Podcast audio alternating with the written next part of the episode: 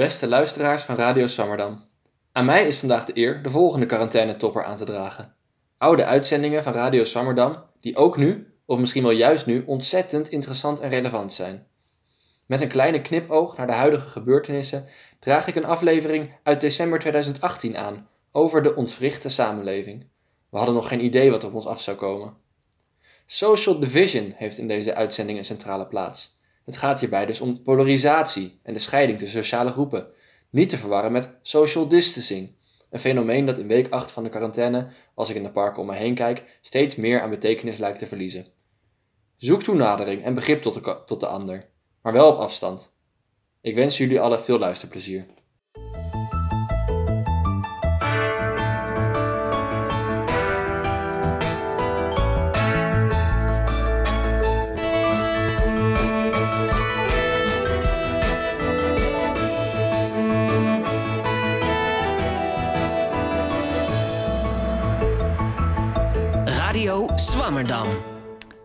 Een hele goede morgen. Of goedemiddag, of goedenavond. Weet ik veel wanneer je dit gaat terugluisteren. maar uh, een hele goede morgen nu. Uh, het is uh, 11 uur, het is de tijd voor Radio Swammerdam. ik ben uh, Korter Blommaert. Naast mij zit Juna. Goedemorgen. Goedemorgen. En we hebben een hele speciale gast, vind ik in ieder geval. het is Anatol Itten, een goede vriend van me. Uh, recentelijk is hij dokter Anatol Ito geworden. En daar ben ik heel trots op. En uh, hij is vandaag, uh, komt hij praten over zijn boek Overcoming Social Division. goedemorgen Anatol. Goedemorgen Corto. Ja. Leuk om hier te zijn. Ja, ik zal meteen ook een disclaimer geven. Het is niet dat Anatol uit een soort van gehucht komt ergens uit Nederland... waar die met een heel gek dialect spreekt. Hij is een Zwitser die Nederlands spreekt. Dus uh, uh, vergeef hem daarvoor voor sommige uh, niet perfecte zinnen. Maar het, zijn, het, het is natuurlijk heel erg knap dat hij in het Nederlands een interview gaat geven over zijn, zijn boek. Dus dat um, tekenen ja. ja. En soms mag het ook Engels worden of Duits. Dat is ook allemaal prima. Um, Anatol die heeft, die is onderzoeker voor het Disrupted Societies Institute. Daar heeft hij dus een boek uh, Overcoming Social Division geschreven, waar wij het over gaan hebben. Um, over in een tijd waarin de maatschappij heel erg verdeeld is en er steeds grotere kloof ontstaat, uh, is Anatol eigenlijk op zoek gegaan naar antwoorden op de vraag hoe we dan toch met elkaar in gesprek kunnen blijven. Hoe we de democratie ja, functionerend kunnen houden onderling. Uh, we gaan het eerst even met elkaar hebben over de problemen. Hoe, wat is dan zo'n ontwrichte samenleving en waarom zijn we zo ontwricht geraakt? En um, daarna over de oplossingen gelukkig. Um, welke factoren eraan bijdragen dat wij zo ontwricht zijn geraakt, daar uh, schrijft Anatol over. En Anatol als eerste factor zeg jij, schrijf jij frustratie. Uh, waarom zijn we zo gefrustreerd? Ja, dat is iets wat wij natuurlijk een beetje voelen, dat daar frustratie is. Maar als je een beetje kijkt, ja, waar komt het eigenlijk vandaan? Dan heb je ook wel heel veel verschillende factoren. Maar het interessante is dat uh, voor een lange tijd hebben, we eigenlijk de toekomst positief gezien. Zo, ja. gaan de arbeidsmarkt veranderen. Iedereen heeft hoge inkomsten. En uh, ja, je kan meer kopen en zo. Dat was altijd zo, ja, um, de toekomst is eigenlijk goed. En ja, ik kan het ook niet zeggen wanneer het een beetje omgeslagen is, maar uh, meer en meer zo dat mensen denken als je ook naar die cijfers kijkt. Zo ja, die, in de toekomst zie ik eigenlijk niet iets positiefs. Zo, meer zo, oké, we gaan uh, minder inkomsten hebben of we moeten um, dat delen met andere landen. Um, maar ik vertrouw bijvoorbeeld ook niet meer zo uh, echt heel erg op mijn politicus dat zij kunnen problemen oplossen. Dan zie je natuurlijk ook dat problemen complexer zijn geworden. Of misschien waren, waren ze al complex, hmm. maar hebben ze heel simpel opge, uh, op, op begrepen misschien. En um, ja, daardoor is het soort eigenlijk een onrust ontstaan. En bijvoorbeeld als je zegt, oké, okay, ja, ik ga nu uh, iemand kiezen voor verandering of die doet iets beter voor mij. En dan kiezen die partij of persoon en dan verandert niks. Volgend vier jaar kiezen weer iemand, iemand anders. Gebeurt ook weer niks. Ja, en dan word je ook een beetje gefrustreerd. Want dat is eigenlijk democratie. Is toch eigenlijk dat jij kan bestemmen als volk, als uh, gewone burger. En als er niets verandert of als je iets ziet, dan, dan word je gefrustreerd. En dan denk je, ja, waarom leven we eigenlijk in democratie als het niet functioneert? Ja. Dat, zo, dat, is, eh, dat kan je natuurlijk nog zien. Er zijn nog meerdere factoren. Maar dat zijn voor mij zo heel belangrijk dat, eh, dat verspreken wat eigenlijk democratie is niet meer... eh, Dus Ja. is dat mensen zich niet, eh, eh, niet meer gehoord voelen in een, eh, eh, dat het vertrouwen minder is of zo van frustratie dat er een muur is tussen eh, wat je kiest en wat er ook uiteindelijk gebeurt of zoiets. Is dat het, eh, is dat het een beetje in het kort? Ja, pre- precies. Weet je, als je. Je hebt natuurlijk altijd een, actie en een reactie. Bijvoorbeeld als je iemand kiest en je bent niet tevreden, kan je ook. Natuurlijk moet je niet vier jaar lang wachten. Als je, ja, in sommige landen heb je nog meer directe democratie, maar eh, als je dat niet hebt, dan kan je bijvoorbeeld eh, ja, een brief schrijven aan je politicus die jij eh, ehm, Hm. die in, in jouw district is. Of je kan op de straat gaan, protesten doen. Maar ja, je heeft ook, dat moet ook weer een tegenreactie geven. Weet je, zo, oh ja, ik snap het, jij bent niet tevreden, moet het iets veranderen. Ja. En, eh, of ik heb het niet goed eh, ja, uitgelegd. Maar dat was altijd, van de, dat was altijd het gevoel ja, van de van, van beleidsmaker. We hebben het niet goed verteld. Ah, we moeten nog iets anders vertellen. Eh, maar die mensen zijn ook niet dom. Die snappen dat eh, misschien een andere verpakking ook niet verandert. Ja. Zo. En daardoor, als je dat te veel doet en geen, ook geen reactie heeft en ook geen veranderingen en ja, ook niet meer het gevoel heeft, ja, ook partijen die eigenlijk tussen, weet je, een partij is eigenlijk een verbinding tussen eh, een burger en eh, de regering. Maar ik, ik weet niet, voel je dat, dat, dat Ja. een partij een verbinding is voor jij tussen de regering en de burger? Voor mij voelt het niet zo. Voor mij horen die eigenlijk ook in, het, in die politieke wereld en die Ja. Den Haag. Ik, voel, ik heb het niet zo'n gevoel. En ik denk heel veel andere mensen ook dat een partij eigenlijk een brug kan slaan. Ja, Maar hadden we dat dan vroeger meer? Dat gevoel? Ja, dat is eh, een goede vraag. Ik, eh, ik ben niet helemaal zeker, maar ik denk dat eh, heel veel meer, omdat het niet zo snel ging, ook met beslissingen, weet je. Eh, als, eh, ja, nu moet je beslissingen doen voor de beurs in Japan opgaat. Oh ja.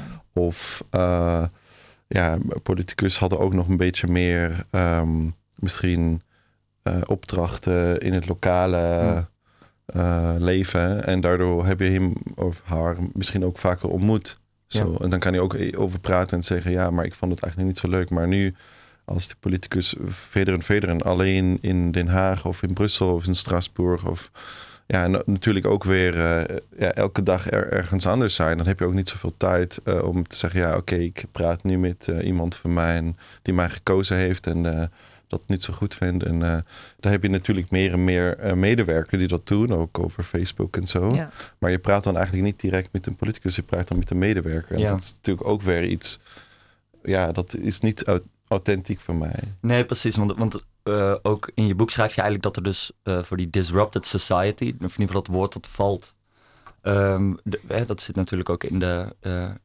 in de denktank waar je nu ook in zit, zijn er eigenlijk die vijf factoren. Dus zo die frustratie, ja, ik heb het vrij vertaald, hè? dus frustratie, ontkoppeling, fragmentatie, polarisatie en escalatie. En volgens mij is het bij uh, precies wat je net zegt, dus ook die ontkoppeling, die frustratie van die ontkoppeling, dat het eigenlijk zijn dat inderdaad vijf factoren of vijf, uh, um, ja, uh, ja, precies eigenlijk gewoon factoren die, die dus die disrupted society um, in, in, in meer of mindere mate dus beïnvloedt of, of extra disrupted maakt. Maar in hoeverre zijn we nu dan een disrupted society en is wat is het eigenlijk? Wat is het? Uh, hoe, hoe, vertaal je eigenlijk het woord disrupted society naar het Nederlands? Of, uh, hoe, uh, of is dat eigenlijk een hele golf? ja, de taalkundige ben jij. Maar um, waarom heb ik dat woord gekozen? Um, dat komt ja oorspronkelijk uit een andere uh, term of een andere area in de maatschappij. Um, maar disruption ook voor de techniek en voor de markten, dat was echt populair nu voor de laatste tien jaar. Alles moet disrupten, alles moet iets veranderen. En uh, natuurlijk ook, dat zijn van start-ups gekomen of van die technologie. Dat is ook, uh, dat is ook geen kritiek, maar een punt.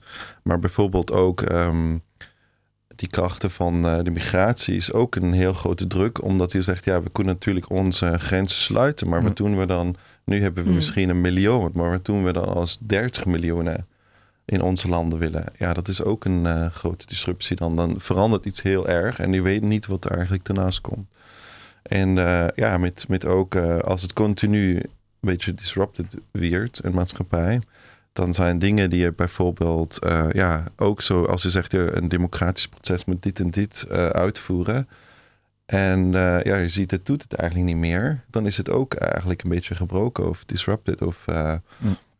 En als je meerdere, meerdere van die factoren heeft, dan. eh, of ook hoe ja, ook meer en meer autoriteiten, autoriteiten krachten ook daar zijn. Dat zijn we ook niet gewend. Omdat wij alleen dachten, ja, die democratie wordt steeds beter en steeds ehm, met een grotere weerkracht. En nu zijn we ook, de democratie is ook kwetsbaar en de samenleving is ook kwetsbaar. We hebben altijd gedacht, dat zijn niet problemen van ons. Dat is een probleem misschien Hmm. in landen zoals eh, in Europa, misschien in de Balkan of eh, Bosnië of eh, nog verder weg natuurlijk. Maar we hebben nooit naar onze landen gekeken te zien, oké, wat als er heel veel heel snel verandert, dan heeft je heel veel mensen voor dat, die, die roepen dan stop. Ja, ik Ja. kom niet meer. Ja. En anderen die profiteren natuurlijk, die willen nog meer verandering, omdat zij natuurlijk dan opeens die zijn die de markt of een maatschappij kunnen bepalen.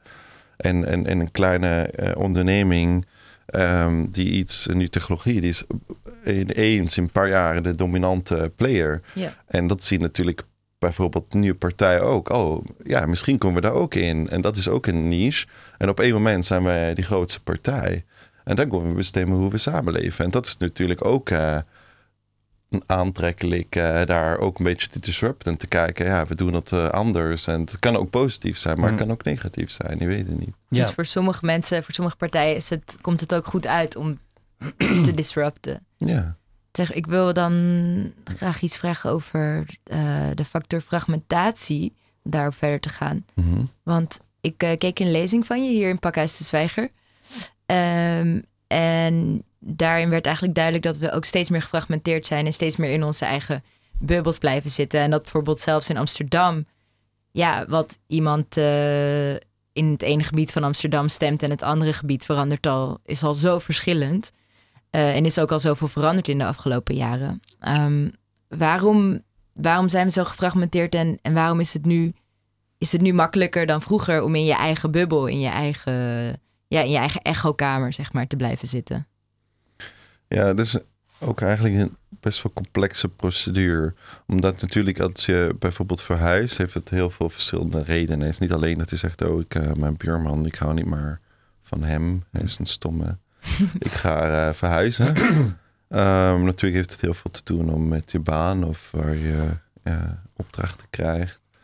Ehm, of met de liefde of eh, ja, armoede ook. Ehm, zo dus er is altijd heel veel, maatschappij is altijd eigenlijk in beweging. Ook als mobiliteit toeneemt, eh, betere verbindingen.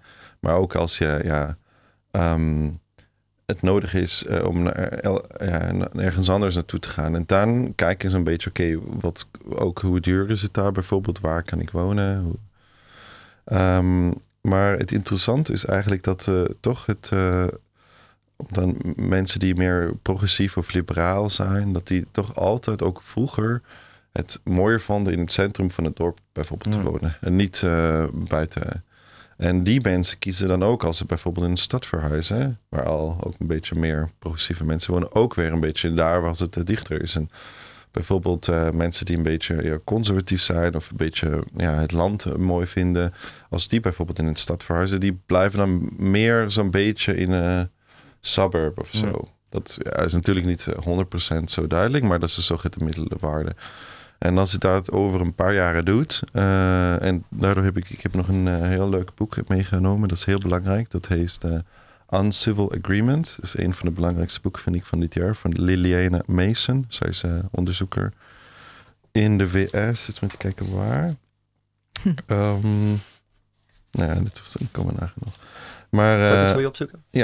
maar zo, het haar theorie is, ehm, omdat wij die fragmentatie niet alleen zo, oké, we gaan naar de stad toe, we hebben grote urbanisme, maar ook zo dat wij wat ons identificeert, Chicago.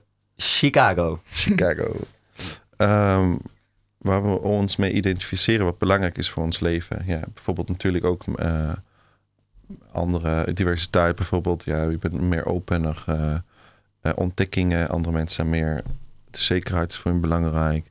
En uh, zij heeft in de VS onderzoekt dat het natuurlijk altijd een verdeeldheid of een, een soort van fragmentatie geeft. Maar um, nu in de laatste 30, 40 jaar, ook met de veranderingen in Noord- en Zuid-VS, uh, uh, zo de Zuidstaten, Noordstaten. Mm. Ook een beetje met ja, meer en meer vrouwen die gaan werken en zo. En dat de democratische bijvoorbeeld ook vroeger ook niet zo, ook heel veel conservatieve mensen hadden die ook eigenlijk niet zo open was het uh, voor uh, diversiteit en zo met uh, in de Zuidstaten. En die hebben zich eigenlijk alles zo veranderd dat die nu partijen eigenlijk best wel goed die mensen afdekken die heel veel in verschillende identiteits ja, punten ook karakteristieken overeenstemmen. En natuurlijk als je in een stad kijkt, oké, als je ja, naar een, uh, in een stad uh, gaat, te werken. Maar je blijft een beetje buiten de stad. En dan komt iemand en, ah ja, we hebben een beetje hetzelfde beeld van de wereld en zo. En dan vind je dat ook aangenamer als je iemand uh, merkt, oh ja, die leven heel anders dan wij. Mm. En als je dat over echt een ja, paar decennia doet, dan, dat heet dan sorting. Hè? Dan kan we in een soort van, dan alle die verschillende mensen die we hebben in soorten, die zo een soort van bubbels. Ja. Dat is het eigenlijk. En het, dat gevoel wordt dan ook versterkt. En dus denk ja, we hebben natuurlijk, als je heel bewust bent, dan denk je, oké, okay, ja, ik weet dat we een bias hebben. Als je niet zo bewust bent, dan zeg je, ja, iedereen ziet het een beetje zoals ik, omdat natuurlijk iedereen op mij, die ook in onze omgeving samenleeft, ook diezelfde problemen ziet als wij. En zo versterk je eigenlijk je eigen um, perceptie. En dat, dat leidt dan ook, ook weer uh, grotere polarisatie. En misschien nog afsluiten, uh, in Zwitserland, waar ik opgegroeid ben, hadden we ook uh, hebben we heel veel directe democraat, heel veel afstemmingen. Zo omdat we vier keer per jaar over ja, kleinere en grotere beleid afstemmen. Zo referenda hebben en initiatieven. En dat is een bekende term, dat heet Reusti-graben. dat, Reusti is een bekend Um, ja, wat bijgerecht. bijgerecht ja, aardappelkoekjes. En um, dat is een beetje, dat zeggen dat, dat dat gaat eigenlijk door Zwitserland bij sommige onderwerpen. Bijvoorbeeld heel veel wat progressief is. Of uh, ja, um, was afstemming of zouden we ook uh, uh, naar de Europese Unie gaan. Of ook naar andere, weet je, zo grotere internationale organisaties. Of zullen we uh, meer open zijn voor uh, migratie en zo. En dan zie je dat er eigenlijk de, um, van de culturele verschil van de Duitsstaligen en ook de Frans en de Italiaanstaligen, dat er echt precies daar die lijn doorgaat. Hm. Zo alle Duitsers hebben dan gestemd nee, we willen niet. We willen niet in uh, grote organisaties, internationaal, willen onszelf blijven. Maar alle anderen hebben dan gestemd zo, ja, dat we willen graag. En dan is het natuurlijk, oké, okay, wat doe je dan? Dan heeft hij ook heel verdeeld eigenlijk. Maar je ziet dan, omdat in Zwitserland uh, bijvoorbeeld economisch heeft er geen groot verschil tussen uh, die taalregio's. Ook die partijen, we hebben vier grote partijen, of bij nu vijf grote partijen, die zijn ook verdeeld. Dus het is ook niet zo dat ze zegt, oké, okay, drie grote partijen zijn alleen in Duitsstalig en twee partijen zijn alleen Franstalig. Mm. En daardoor heb je eigenlijk niet zo, ook als dat natuurlijk uh, heel veel uh, Franstaligen zijn ook gefrustreerd geraakt. Ze zeggen, ja, wij zijn natuurlijk altijd een beetje de minderheid. We willen ons land ontwikkelen, we willen meer. Eh, maar uh, ja, als het niet kan omdat er meerderheid is die dat uh, voor hun bestemt.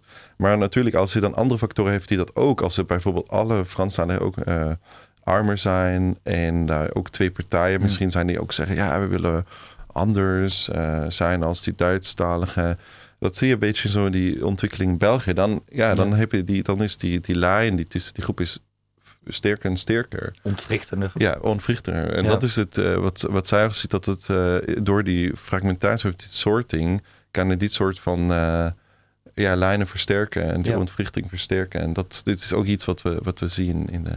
Ja. Maar je hebt het nu over één uh, kloof maar is het vaak echt één kloof die een samenleving in tweeën snijdt? Zijn het vaak echt twee kampen?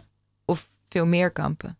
Want ja, in Nederland heb ik ook wel eens het gevoel dat dan hebben we het ook altijd over de kloof, zeg maar één kloof die door het midden loopt. Ja, er zijn natuurlijk meer. Uh, wat, wat is, uh, hoe zeg je dat, uh, die um, conflictlijnen ook -hmm. zo'n beetje. En dat is eigenlijk eh, belangrijk dat die ook gemixt zijn. Dat je zegt, oké, in dit onderwerp ben ik met je eens, in dit onderwerp ben ik het met je niet mee eens. Bijvoorbeeld, wat heel veel zeggen, ja, uh, belangrijk is dat je ehm, dat mensen de klimaatveranderingen, dat het eigenlijk niet links of rechts, of natuurlijk heb je een paar, maar de grote deel ook voor conservatieve mensen, die conservatief heeft ook te bewaren en het klimaat wil ook bewaren, natuur, milieu willen bewaren, zodat je daar eigenlijk best wel grote gemiddeld ergens vindt dat uh, daar iets um, mensen daar kunnen common ground vinden. Mm.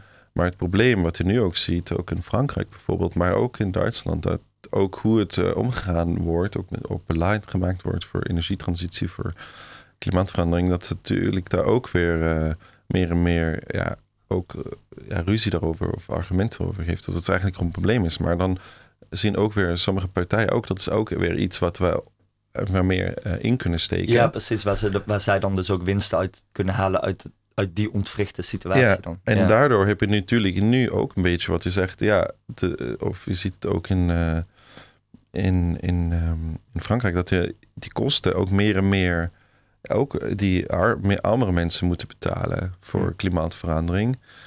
En uh, ook, uh, ja, en daardoor heb je natuurlijk, oh, gaat misschien die hele klimaatpolitiek nu ook iets heel polariserends worden. Ja. Heel iets, weet je, wat ja. eigenlijk meer, meer zoiets Eigenlijk is het dus gewoon bij, bij ieder onderwerp kun je een conflictlijn uh, zien, omdat er daar dan weer iemand ook baat bij heeft bij het maken van een conflict. Uh, ja, ja, ja, precies. En je moet opletten dat die conflict dan niet zegt: oké, okay, ja, zie je hoe Parijs dat verhoogt? Zij kunnen het, voor hun is dat geen probleem. Maar wij op, wij op land hebben heel veel ja, andere zorgen. Wij kunnen dat ook niet meer alles betalen en zo. En dan, dan komt het klimaat ook, het klimaatonderwerp. Dat veel zeggen, ja, oké, okay, ja, dat is alleen ge, um, gejat worden om uh, frustratie duidelijk te maken. Maar ik denk dat het heel gevaarlijk is dat die ook zo, sommige van die onderwerpen die eigenlijk mensen verbinden, ook dan in zo zeggen, ja, oké, okay, een deel, een groot deel is voor klimaatbeleid uh, en die andere deel niet. Die wil ja. uh, meer inkomsten hebben of die wil, die zegt, ja, dat zijn of, ja. of, ontkent het probleem. Ja, überhaupt. Um, we, ja, we hebben natuurlijk ook nog andere dingen op het programma. Um, laten we. Uh, het volgende is. Want we gaan. Kijk, het ding is dat we tot nu toe hebben natuurlijk gehad over de ontwrichte samenleving. Heel veel negatieve dingen. Maar, maar, en da daarom ben je er natuurlijk ook. We gaan het ook hebben over oplossingen en over mogelijke oplossingen. En een soort van een positieve kijk op alle zaken. Dus luisteraars, blijf luisteren. Het, wordt, het blijft niet allemaal uh, disrupted en uh, uh, polariserend. maar eerst gaan we luisteren naar een stukje van Oh Radiant Dawn van James Macmillan. En dat is ingezongen door het Studentenkoor Amsterdam. Die treden op 21 december op in de Westerkerk om kwart over acht. En online kun je daar kaarten verkopen als student en voor mensen onder de 30. Dus dat zijn wij net niet meer, hè? uh, voor 5 euro. Uh, reguliere tickets zijn 10 euro. Aan de en aan de deur zijn ze 2 euro duurder. Maar eerst dus een stukje Oh Radiant Dawn.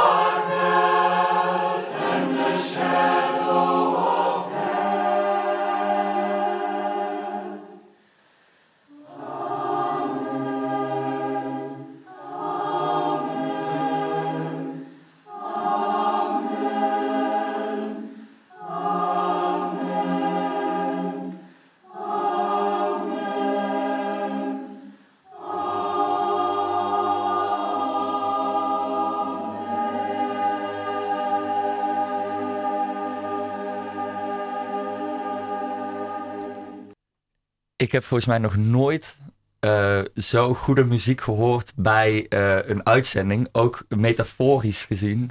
Want eh, eh, het is natuurlijk. eh, eh, het, eh, het, we zijn helemaal weer. eh, we zijn klaar om lu- te luisteren naar onze Messias, eh Dr. Oh. Radiant Nee, Dawn. grapje. nee, Oh, oh. dat grapje maakten we natuurlijk net, maar dat, eh, dat zouden we niet gaan doen.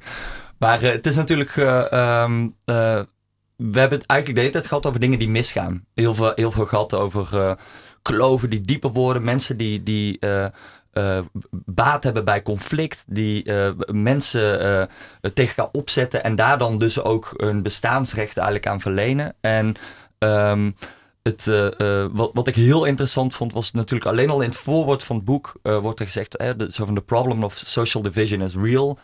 Het, eh, dat, ik denk dat iedereen dat, dat ook eh, zeker beseft. Maar het is niet another book about dying democracies. Het is what can be done. Dus het is echt een, een eh, ja, om nog meer Engels erin te gooien, een call to action. Een oproep om iets te gaan doen. En ehm, eh, eigenlijk ben ik sowieso benieuwd zeg maar, hoe je, waar- waarom je zo geïnteresseerd bent in mediation en ook zeg maar, in sociale psychologie. Het is volgens mij ook iets waar je echt een, eh, een, een, een, een passie, passie voor hebt. Echt het Overcoming Social Division is niet, volgens mij niet alleen maar eh, de titel van het boek, maar ook een soort eh, lijfspreuk. Eh, en ik ben eigenlijk benieuwd waar, waar sowieso gewoon om het een beetje te kaderen binnen wie we hier tegenover ons hebben. Welke, ik ga niet weer het uh, Messiaswoord noemen, maar, het, eh, maar meer van waar, waar eh, wat, eh, wat, wat is je fascinatie met mediation? Ja, eerst eh, is het ook belangrijk dat je niet zegt: oké, daar komt iemand die lost eh dit probleem voor ons op. En dat is eigenlijk ook eh, waarin mediation de kern eigenlijk is. Dus die oplossing, die, die verantwoording voor die oplossing ligt in de, bij de conflictpartijen. En waarom? Dat is eigenlijk heel simpel, omdat die partijen duidelijker weten waar de conflict vandaan komt dan er iemand van buiten. Ook een rechter of zo, die, die leest natuurlijk, die krijgt eh, onderzoek, presenteert en dan zegt hij oké, hij of zij is, heeft de rechten, die andere persoon niet. En, eh, maar ja, dan kan je ook vragen, is dan eigenlijk de conflict opgelost? Nee, is eigenlijk niet. Het gaat nog verder. Hè? Iemand is dan ook, ook frustreerd weer. Zo, ah ja, zie je, hij heeft een betere advocaat, heeft meer geld. eh, en zo. En mediation gaat eigenlijk daarom dat de mediator de partij natuurlijk ondersteunt, ook goede vragen stelt, ook eh, onderzoek eh, ehm, haalt van buiten. En of te zien, oké, hoe kunnen we daar misschien eh, een betere opinie over hebben, waar jullie een conflict hebben. Ehm, maar het gaat eigenlijk daarom dat die mensen zelf moeten daaraan werken. En, en daardoor kan het ook niet, is het, het heeft een heel andere dynamiek als ja, ook een politieke onderhandeling of een game theory, wat je zegt, oké, als we coöpereren, en dan wordt het beter, eh, of als we niet coöpereren. Ehm, en eh, dat vond ik eigenlijk eh, vroeg al het mooie. En ehm, dat heeft ook te doen dat ik een beetje eh, lucht had uh, gesnoeperd. Uh, een beetje, ja, ook uh, in de diplomatieke wereld uh, ben geweest. En ik heb het misschien een beetje in de natuur dat ik, ik vond het mooi ook op te groeien in een heel klein dorpje in Zwitserland, waar je, daar heb je alleen één um, gemiddelde waarde van, ja, meestal heel Zwitserland, omdat je niet tien verschillende jaren heeft. Of, um, generaties. Zo, het is oh, echt ja. zo precies. Uh, in onze klas was het echt zo gemixt met uh, goed opgeleide ouders, met uh, boeren, met een klein beetje buitenlanders. heel, ook heel conservatieve mensen die op het land wonen.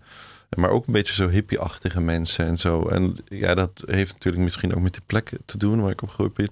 Maar in de school, dat, als je jong bent, dan, dat, is, dat zijn gewoon kinderen. Hè? Dat zijn gewoon, iedereen is een beetje gelijk. Het heeft natuurlijk ook andere problemen met kinderen die je dan ook iemand uitsluit. Maar uh, ik wist zo niet dat ik uh, bijvoorbeeld met iemand speel die, die ouders een heel andere partij voor bijvoorbeeld kiezen. Ja. En uh, als je opgroeit, dan zie je dat zo. Oh, eigenlijk uh, hebben we een heel ander gedrag of een perceptie van de wereld. En ik vond het dat al eigenlijk, uh, als ik een beetje, als het alles met Trump en Le Pen en zo gebeurd is en met de AFD in Duitsland, heb ik ook een keer gedacht, ja, dat is eigenlijk iets wat we hebben ook een beetje, hebben ook een beetje kwijtgeraakt, dat we die um, ons eigen ehm, die, eh, die, die, die kwaliteit of die skills hebben. Ook naar iemand te luisteren en dan iemand zien, oké, waar kom jij vandaan? Waar heb jij voor problemen? En, ehm, en dat doet eigenlijk mediation, weet je. Ook, eh, dat heb ik ook in het laatste deel geschreven. Dat, eh, ook, en daardoor kan je ook ehm, anerkenning, eh, herkenning, ja, herkenning, Erkenning. herkenning faciliteren tussen de groepen. En dat is heel belangrijk als je, ja, als je niet, niet alleen als je een klein conflict hebt, dat heb je misschien niet nodig. Of ja, als je zegt, oké, we zijn een grote, ehm, eh, een grote corporatie en eh, iemand, een leverancier, heeft ons eh, iets fout gegeven. Dan zeg je, oké, kijk, we kunnen heel snel iets anders in een andere leverancier kijken. Je heeft niet zo heel veel kracht. Kunnen we dat oplossen? Ja, oké, jij moet de fout oplossen. Zo, oké. Maar eh, als je een, een grotere maatschappij heeft, dan ga je niet zeggen: Oké, jij burgers, eh, jullie, hebben, jullie vinden dat niet leuk wat wij doen, be- beleid doen en zo. Eh, jullie gaan maar dat lekker eten of je gaat er lekker de fout oplossen. Hm. Zo daardoor moet je natuurlijk een andere aanpak doen als alleen zo een powerplay of een onderhandeling en wie betaalt de boete en zo. En daardoor is eigenlijk mediation voor mij een heel goede systeem, omdat het ook heel veel ook, eh, uitgeprobeerd is. En het is eigenlijk een heel oude. Het komt eigenlijk uit. er komt eh, verschillende. ik heb ook een beetje een historische ehm, explanatie waar dat vandaan komt. En het komt eigenlijk ook dat die samenleving heeft, heeft, heeft eigenlijk altijd een heel groot deel ook maatschappijlijke waarde voor de samenleving in, in China, maar ook in Zuid-Korea. Eh, dat komt het eigenlijk een beetje vandaan. Eh, en ook eh, pas later kwam het dan in de VS dat het daar ook, eh, omdat natuurlijk daar ehm, gerechtsoordelen heel duur zijn. En dan Hmm. is het natuurlijk ook een beetje Is mediation een is mediation ook een, optie? Ja. een goede optie. Misschien eerst te kijken, kunnen we dat misschien anders oplossen? En ze hebben dan gezien dat is eigenlijk best wel succesvolle methode, omdat het eigenlijk sneller gaat, goedkoper is. Ehm, en ook die mensen later, eh, niet, niet iedereen, maar later een betere relatie hebben met elkaar. En een beter ook kennen. En ook misschien zeggen, oké, misschien moet ik anders met die gast omgaan. eh, dan hebben we in de toekomst geen ruzie meer. Of Ja. we gaan met de ruzie ook anders omgaan. Dat we nu weten, ja, het, er zijn geen vijanden, er zijn misschien andere mensen. Maar... En dat is eigenlijk het leuke. Hm. Ja, Ja. het is heel moeilijk om als je echt recht tegenover iemand staat en echt met elkaar het gesprek aan moet gaan, om dan nog heel veel vooroordelen en, en eh, problemen met iemand anders te hebben. Oog in oog is toch wat heel anders. Ja. Ehm, jij hebt eh, onderzoek gedaan naar public conflict resolution. En wat houdt dat precies in? Wat heb je precies onderzocht? Uh, ik heb onderzocht, ik heb um, 23 cases onderzocht. Um, maar ik heb ook uh, nog meer onderzoek gedaan naar een beetje andere methoden. Maar uh, public conflict resolution, um, zoals ik, ik, ik noem, is eigenlijk ook mediation. Maar mediation kent niet, niet iedereen. Daardoor heb ik daar conflictoplossing mm. genoemd. Mm. In de pub in publieke sfeer. Dan kan je natuurlijk ook zeggen, oké, okay, kan je ook politie uh, bedoelen. Maar het gaat eigenlijk om uh, non-violent en alternatieve wegen, wegen om uh, publieke conflicten op te lossen. En uh, dat waren zo cases zoals ja, een gebouw of een nieuwbouw van een vluchtelingsheim of vluchtelingscentrum. ja, een asielzoekerscentrum. Asielzoekerscentrum ja. in Duitsland. Of uh, um, een herrichting of ja, meerdere herrichtingen voor een binnenstad. Of, uh, en daar heel veel ruzie dat tussen de aanwoners, maar ook bedrijven. En iedereen wil het anders. Mm. Uh, en ja, dat is dan echt geclashed. Of ja, grote infrastructuurprojecten, milieuprojecten. En, in het begin, als ik daar begon met mijn onderzoek, heb ik nog niet zo die grote. Dat is het ook wat ik eigenlijk mooi vind aan het boek. Dat ik dat niet zo gezien had in een grotere samenhang. Ik heb meer gezien, ja, mensen, ze willen misschien andere politiek hebben. Of ze zijn ook, uh, ja, ze vinden ook dat misschien die participatieve processen niet meer zo goed zijn. Weet je, dat ze zegt, oké, ja, dat is een groot project gepland. En dan heb je nog een inspraakavond. En dan kan je nog, uh, ja, zeggen wat je niet zo leuk vindt. Maar uiteindelijk gaan je niet uh, zeggen, ik wil het niet. Of uh, ook heb je eigenlijk geen grote invloed meer als het bijna betaald is. Als alles goed georganiseerd is. Ja. En, en daardoor... Um, en dat was voor mij meer zo de onderzoek in het begin. Zo, oké, ja, hoe gaan we daarmee om? En hoe kan mediation met die grote, met die protesten, meer en meer protesten ook omgaan? Maar ik heb niet zo gezien dat we eigenlijk in de hele maatschappij een probleem met elkaar hebben. En ook met het politieke systeem. En eh, daar begon het eerst een beetje zo zoekend. Zo wat zijn eigenlijk, voor mij was het belangrijk, ja, je hebt nu ook een meerdere van die eh, mediations gedaan, eh, maar of, of ook andere ehm eh, procedure. En eh, wat, waarom zijn eigenlijk sommige heel goed uitgekomen? En die, Hmm. over die wordt heel vaak gepraat. Ja, dat zijn natuurlijk best cases. En ja, mensen zijn er weer heel blij en eh, ja, kosten gespaard. Maar er zijn ook heel veel die eigenlijk ook zijn misgegaan. En ik was ook heel benieuwd, wat is eigenlijk waarom? En wat zijn de factoren die dat misschien ook zo processen kunnen beïnvloeden? Omdat het, ik natuurlijk zie die processen als heel belangrijk. Of niet alleen die processen, maar ook het denken van die processen. Mm. Hoe ga je ook als beleidsmaker denken, oké, hoe gaan, ik weet dat, ik kan niet iedereen blij maken, maar ik moet ook, ook denken, wat doe ik eigenlijk met die mensen die niet blij zijn? Kan ik al iets den, eh, die mensen aanbieden? Of kan ik eerst naar die luisteren en en zeggen, dat zijn een beetje zo die plannen, wat denk jij daarover? Heb jij misschien ook een idee? Of heb jij, eh, zo, als je daar zo, ik denk al dat een stap eh, verder zou zijn voor, eh, voor beleidsmakers ook. Maar ik heb dus, ja, voor mij was het belangrijk te onderzoeken ehm, wat zijn de belangrijke condities eh, waardoor zo'n mediation proces beter functioneert. En ehm, eh, want heb je, zeg maar, wat is dan een goede mediation? Of zeg maar, wat, wat zijn bepaalde factoren die, eh, die vaak misgaan en hoe kun je dat dan beter doen? Of is, is het niet zo simpel dat je zo van, dat, volg, dit, volg dit stappenplan en dan gaat het goed? Of is het, ehm, wat, is het wat, wat is het geheim van een goede mediation? En heb je er, heb je er ook echt eh, bij gezeten bij de mediation sessies of heb je het achteraf onderzocht? Eh, ja, misschien met die eerste vraag eh, beginnen. Ik heb het over die laatste vraag. Ik heb het ehm, achteraf gedaan. En dat heeft één eh, reden, eh, omdat ik natuurlijk wilde wisten wat is de uitkomst. En als je bij zit, dan weet je die uitkomst nog niet. Ja. En dan kan ik ook niet zeggen op het, eh, eh, ja, misschien heb ik En misschien gevoel, maar- beïnvloed je het natuurlijk ook. Of niet? Of Ja, dat is altijd de on, beïnvloedende onderzoeker die eh, erbij Ja. is natuurlijk. Eh, maar, ehm, eh, ik, maar ik vind het eigenlijk best wel... eh, ik was ook... ehm, ik heb ook een mediation eh, training gedaan. En daar hebben we ook eh, zelf... ja, dat ook in, in, in roleplays eh, gedaan. En ik was dan ook bij nog... ehm, ik heb dan ook nog bij kleinere conflicten in teams... heb ik een beetje gemedieerd zelf. En daardoor zie je ook een beetje die, die dynamica. Maar van die grote maatschappelijke conflicten, die heb ik daarnaast onderzocht. En ook daarnaast eh, mensen geïnterviewd die daarbij was. Ook de mediators, maar ook eh, betrokkenen partijen. En ehm, ja, kort je vraag naar wat is eigenlijk de perfecte eh, weg. Dat is natuurlijk heel moeilijk te zeggen, dat wil ook iedereen weten. En eh, dan zou ik misschien niet hier zitten, maar eh, heel hoog in, eh, in de politieke wereld. Maar ehm, natuurlijk heb eh, mediation als, als proces moet je eigenlijk niet meer goed, goed veranderen. Die is eigenlijk best wel goed, ehm, goed eh etableerd. Maar het probleem is dat vaak eh, ook van de media- mediators, maar ook van mensen of eh, van de beleid die dat eh, beleidsmakers die zeggen: oké, we doen dat nu ook. eh, we, hebben, we zien het in onze maatschappij gaat niet goed, zo we gaan dat eh, sponsoren of organiseren. Het probleem is dat, en, wat ik belangrijk vind, of wat ik gezien heb, dat context van actoren. Als je gaat met die proces ergens naartoe. En dan weer heel vaak niet ge- genoeg gekijkt.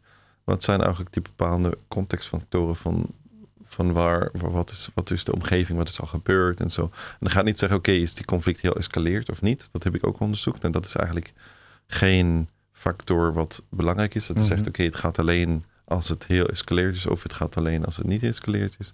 Ook eh, de complexiteit van, eh, van, van het probleem. Als je zegt, oké, ja, we hebben natuurlijk nog internationale contracten of ehm, heel emotioneel onderwerp of zo. Of er zijn meer, meerdere ook ehm, levels van overheid bezig. Dat is eigenlijk, dat moet je goed organiseren, moet je goed in de gaten houden. Maar is het niet zo dat dat eigenlijk een bepaalde factor is. Maar wat heel belangrijk is, en dat eh, is iets wat eh, ook eh, wij nog veel kunnen over leren of, eh, Mm. in de maatschappij, dat je zegt je wil zo'n proces, hè, mediation, dat is conflictoplossing. Maar je wil het ook goed kunnen controleren als overheid. En dat, is, dat heb ik ook gezien, dat veel van die eh, cases die niet zijn goed gegaan, eh, beperkt zijn worden door de overheid. Omdat ze, die overheid zegt, oké, we gaan alleen dit en dit onderwerp bespreken bijvoorbeeld. Of Uh, er zijn electies en dan wordt het een heel politisch proces. En de mediation gaat eigenlijk niet zo om en, ja, wie wint in uiteindelijk. En een politisch proces gaat eigenlijk om winnen. En daardoor uh, zijn die dan zo in een... Uh, in, in conflict of in een soort... ja, ja, bijvoorbeeld dat een politische partij heeft gezegd... ja, nou, wij vinden het geen goed proces... of wij staan voor onze oplossing. Wij gaan nu niet met die mediation proces dat oplossen. Of anderen hebben natuurlijk dan ook die legitimiteit daar. Uh, of politicus gezegd, ja, waar we zijn gekozen in uh, mediation. En dat is nog steeds een onderwerp waar uh, onderzoekers nog steeds moeten verder onderzoeken. ja, mediation heeft natuurlijk die conflictgroepen bij. En best wel veel inclusief ook. Ne? Die kan natuurlijk niet een conflict oplossen en dan laat je vijf belangrijke partijen buiten. Maar er zijn nog steeds die partijen die een conflict hebben. Dat is niet uh, representatief, representatief voor de maatschappij.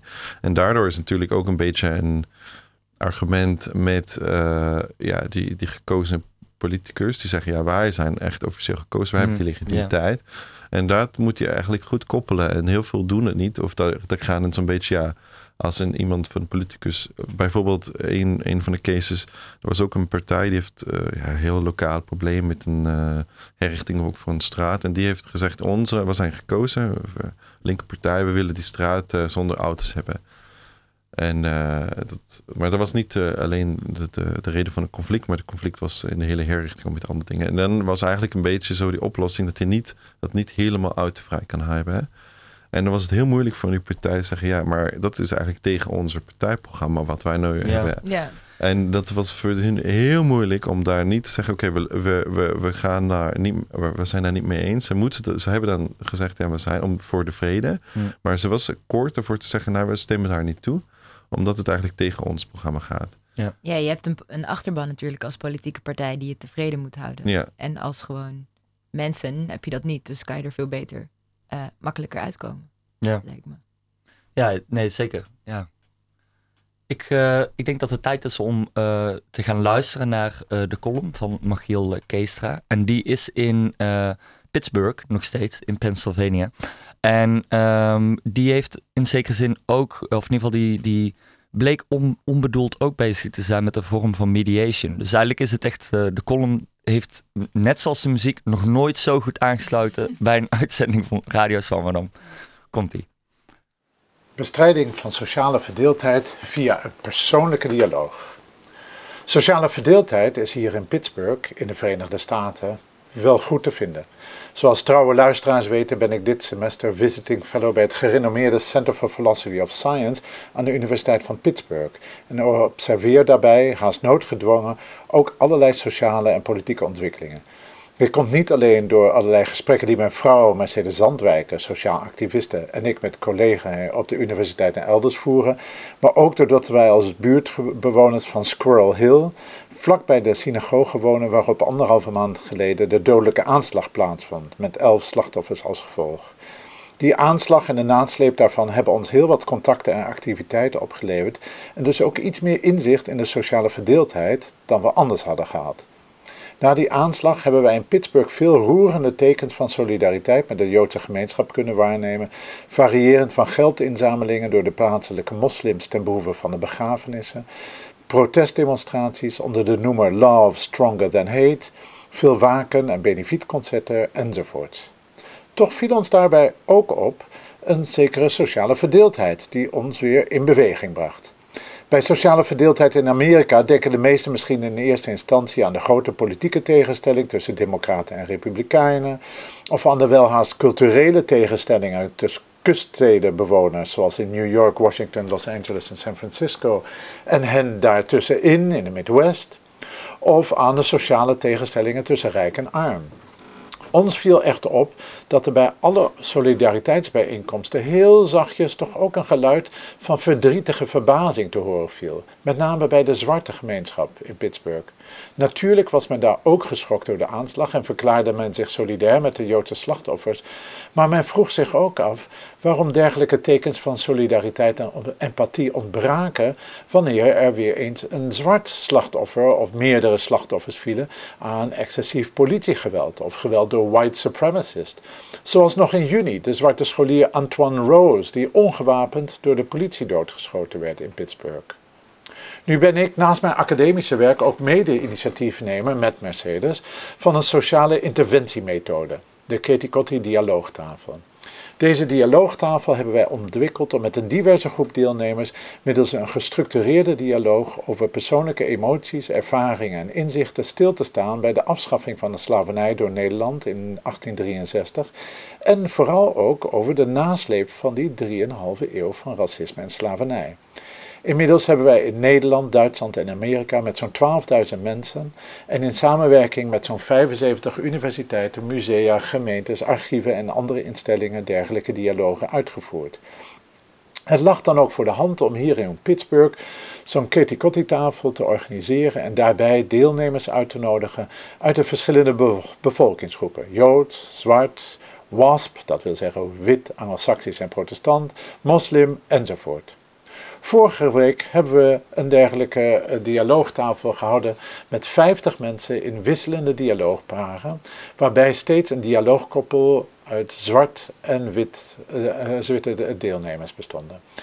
De dialoogparen hadden we gevraagd om met elkaar te delen of ze wel eens een ervaring hadden waarbij ze zichzelf echt betrokken voelden bij iets dat in een andere gemeenschap in de stad plaatsvond of dat ze juist wel eens een dergelijke betrokkenheid van andere gemeenschappen gemist hadden. Verschillende deelnemers vertelden dat voor hen kindergarten, dus de kleuterschool, de laatste periode was waarin ze op een regelmatige basis met anderen omgingen dan uit hun eigen gemeenschap. Daarbij bleek de color line een belangrijke factor. Zwart en wit komen elkaar later niet veel meer tegen. Helaas ook niet aan de universiteit, eh, moet ik zeggen. En als ze elkaar al tegenkomen, dan is dat niet zonder angst, hoorden we van een ander gespreksduo. Deze Egyptische student was in gesprek met een vrouwelijke arts en zij kwamen erachter dat zij allebei, maar om verschillende redenen, last hadden van angst voor elkaar in de publieke ruimte.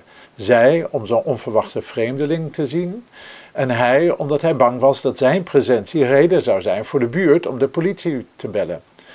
De Egyptenaar was dan ook vooral verbaasd dat mensen met een Amerikaans paspoort ook angst in de publieke ruimte zouden hebben. Het creëerde in elk geval een onverwachte band tussen hen. Onze tweede dialoogvraag ging over de gevoelens die deelnemers hadden wanneer iets plaatselijks, iets akeligs plaatsvond in een andere gemeenschap en wat ze daarmee gedaan hadden. Twee grootmoeders, de ene zwart, de andere joods, hadden met elkaar gesproken over de angsten die zij hadden over het lot van hun kleinkinderen, met name hun kleinzoons. Vooral het verhaal van de zwarte grootmoeder was schokkend. Deze hoogleraar geneeskunde vertelde dat zij eigenlijk hoopte dat haar kleinzonen op de middelbare school geen vrienden zouden maken, want daarmee zouden ze immers willen buiten spelen en buiten dreigde voor zwarte jongens nu eenmaal dodelijk gevaar. Juist door zijn inkijkje in iemands persoonlijke leven realiseer je je opeens hoe verschillend het leven eruit kan zien als je zwart bent in plaats van wit of arm in plaats van rijk. Ook al ben ik als filosoof een groot liefhebber van het debat, ik heb ook gemerkt, en wetenschappelijk onderzoek bevestigt dat, dat discussies over politiek, cultuur en geschiedenis van sociale verdeeldheid vaak nieuwe verdeeldheid genereren, vaak polariserend werken. Zo goed als de algoritmes van Google en YouTube ons suggesties voor steeds extremere filmpjes of andere clickbait doen, zo duwen de vaak nogal generaliserende discussies deelnemers ook in steeds radicalere posities. Met onze Ketikotti-tafel ervaren we juist het tegenovergestelde. Mensen blijken vrijwel altijd, vanwege de veilige en gestructureerde context die onze dialoogmethode biedt, bereid te zijn om met totale vreemden soms heel persoonlijke en intieme angsten, zorgen, verdriet en blijdschap te delen en daarmee iemand toe te laten in een leefwereld die vaak heel anders is die van hun dialoogpartner. Afgelopen week is onze Ketikotti-tafel nog door het landelijk kennisplatform Integratie en Samenleving in een rapport over wat werkt bij het verminderen van discriminatie gepresenteerd als een van drie effectieve sociale interventies. Voortbouwend op de contacttheorie van psycholoog Gordon Alport en collega's noemen zij drie redenen voor die effectiviteit van deze dialoogtafel als discriminatiebestrijding. Ten eerste nemen deelnemers elkaars perspectief in, waardoor onderlinge empathie vergroot wordt. Ten tweede worden mede hierdoor allerlei veelal impliciete sociale normen geadresseerd en aangepast. En ten derde worden deelnemers zich bewust van vooroordelen en stereotyperingen die ze daardoor ook beter kunnen reguleren. Natuurlijk zijn veel van dit soort processen onbewust en zijn de effecten alleen indirect meetbaar. Maar gelukkig leiden de persoonlijke gesprekken ook regelmatig tot concrete acties. Zo hebben deelnemers afgelopen week met elkaar in Pittsburgh besloten om volgend jaar die Emancipation Day te vieren en herdenken. De dag waarop de tot slaafgemaakten in 1863 of erna hun vrijheid terugkregen. Toen ze van ons begrepen dat wij in Nederland ook zo'n 150 jaar nodig hadden voordat aan Ketikotti een nationale herdenking gewijd werd, begreep men dat het niet te laat is om ook hier in Pittsburgh zo'n viering en herdenking te organiseren. En bovendien begrepen ze dat het stilstaan bij deze inheemse geschiedenis van slavernij, racisme en discriminatie niet alleen een zaak is voor de African Americans, maar minstens evenzeer van de rest van de bevolking. Voor ons als academici is het misschien onnuchterend om zo te merken dat de concrete bestrijding van sociale verdeeldheid vaak meer gebaat is bij een persoonlijk gesprek dat motiveert tot concrete acties, dan de statistieken of historisch of politieke of andere wetenschappelijke inzichten die wij produceren. Daarom denk ik dat het goed is voor ons als academici om juist ook die persoonlijke gesprekken en de concrete acties op te zoeken. Ik wens u nog een heel productieve zondagmiddag. Nou, echt een, eh, een, een hele goede column. Heel mooi, heel mooi. En um, eigenlijk ook precies waar uh, ook uh, voor oppert. De, de dialoog aangaan. Ook, ook, echt de straat op, of de straat op gaan. In ieder geval met elkaar aan tafel te zitten, elkaar in de ogen aan te kijken en een gesprek te hebben. Um, dat is eigenlijk ook wat de denktank waar jij bij betrokken bent, Disrupted Societies Institute, ook voor staat. Kun je, kun je inleggen wat, of ehm, kun je vertellen wat, wat jullie precies doen en ook uh, wat jullie missie is? Of wat, uh... Ja, ik, heel kort. ik denk we komen naar, naar het einde. Um, wat belangrijk is, wat je zegt, ja, we moeten nu op straat in dialoog. dat is alles ook goed en een goede reden. Maar het zijn niet alle mensen die dat ook zo zien. Of die er ook zeggen, ja, oké, ik heb er ook tijd voor. Ook, voor mij is dat ook belangrijk. Die voelen het misschien ook, dat het, die verdeeldheid um, ja, problemen veroorzaakt. Maar ze zien niet zo, oké, ja, waarom moet ik nu op straat, waarom moet ik nu met iedereen praten die anders is? Zo dus wat, uh, wat wij zien is, is belangrijk dat het... Uh, um, dat daar mogelijkheden zijn die ook mensen betrekken, omdat bijvoorbeeld uh, een budget wordt vertaald, ook een beleid wordt nu gemaakt, of ja, een, een, een, een straat wordt uh. En daar heb je dan een, uh, ja, zo'n, hoe zeg je dat, een eh, een, een, een echte uh, incentive zo. Dat, daar gaat het om iets. Ik denk mm. niet dat het uh, heel veel mensen willen alleen praten dat, uh, dat ze met iemand gepraat heeft. Dat, natuurlijk voor sommige mensen is dat goed en ik vind het ook alles goed mm. wat daar ook gedaan wordt. Maar wij kijken eigenlijk nog een beetje meer, oké, je hebt echt problemen of echt, dat zijn echt iets, dat gebeurt Concrete iets concrete ja, uh, plannen of concrete uh, conflicten eigenlijk. En precies, ja, precies. Zo, dat is de eerste stap. Je moet zien waar er zijn zo um, ja, entry points, waar je ook bijvoorbeeld mediation of andere participatieve processen, maar dat je echt ziet dat kan een impact heeft, dat kan iets veranderen. Als je dat niet hebt, dan raak je nog meer mensen mm. frustreerd. Omdat ze zeggen, ja, ik heb zo weinig tijd voor alles. En dan kom ik en ik doe participeren, maar uh, ik zie dan niet dat ik daar een invloed heb. Zo, dat is iets van wat wij zien, dat, dat, moet, dat moeten we weer verbeteren. Um, daardoor ook participatieve processen weer, uh, ja, nieuwe, nieuwe inspiratie. We zijn op zoek naar nieuwe inspiratie voor participatieve processen. En uh, door, daardoor konden mensen ook dan weer wat we noemen uh, master experiences. Als je dan echt een keer in gesprek gaat, overziet, ja, we, gaan, we moeten samen ja, bijvoorbeeld die Citizens Assembly in, uh, in Ierland. Er zijn 99, 99 mensen die moeten samen een beleid doen voor. Mm. Um, En niet alleen een beleid, ook. Ze hebben ook. Uh, wat is eigenlijk het politieke proces om dat uh, te hebben? Zij hebben dan ook het referendum gekozen, maar.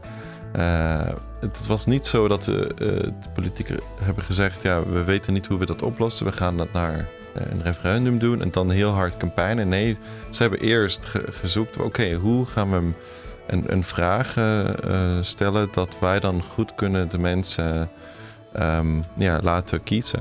Ik denk dat bijvoorbeeld als hij de Brexit heeft, die, die zo die, die uh, Brittannië zo heeft ge, gesplitst.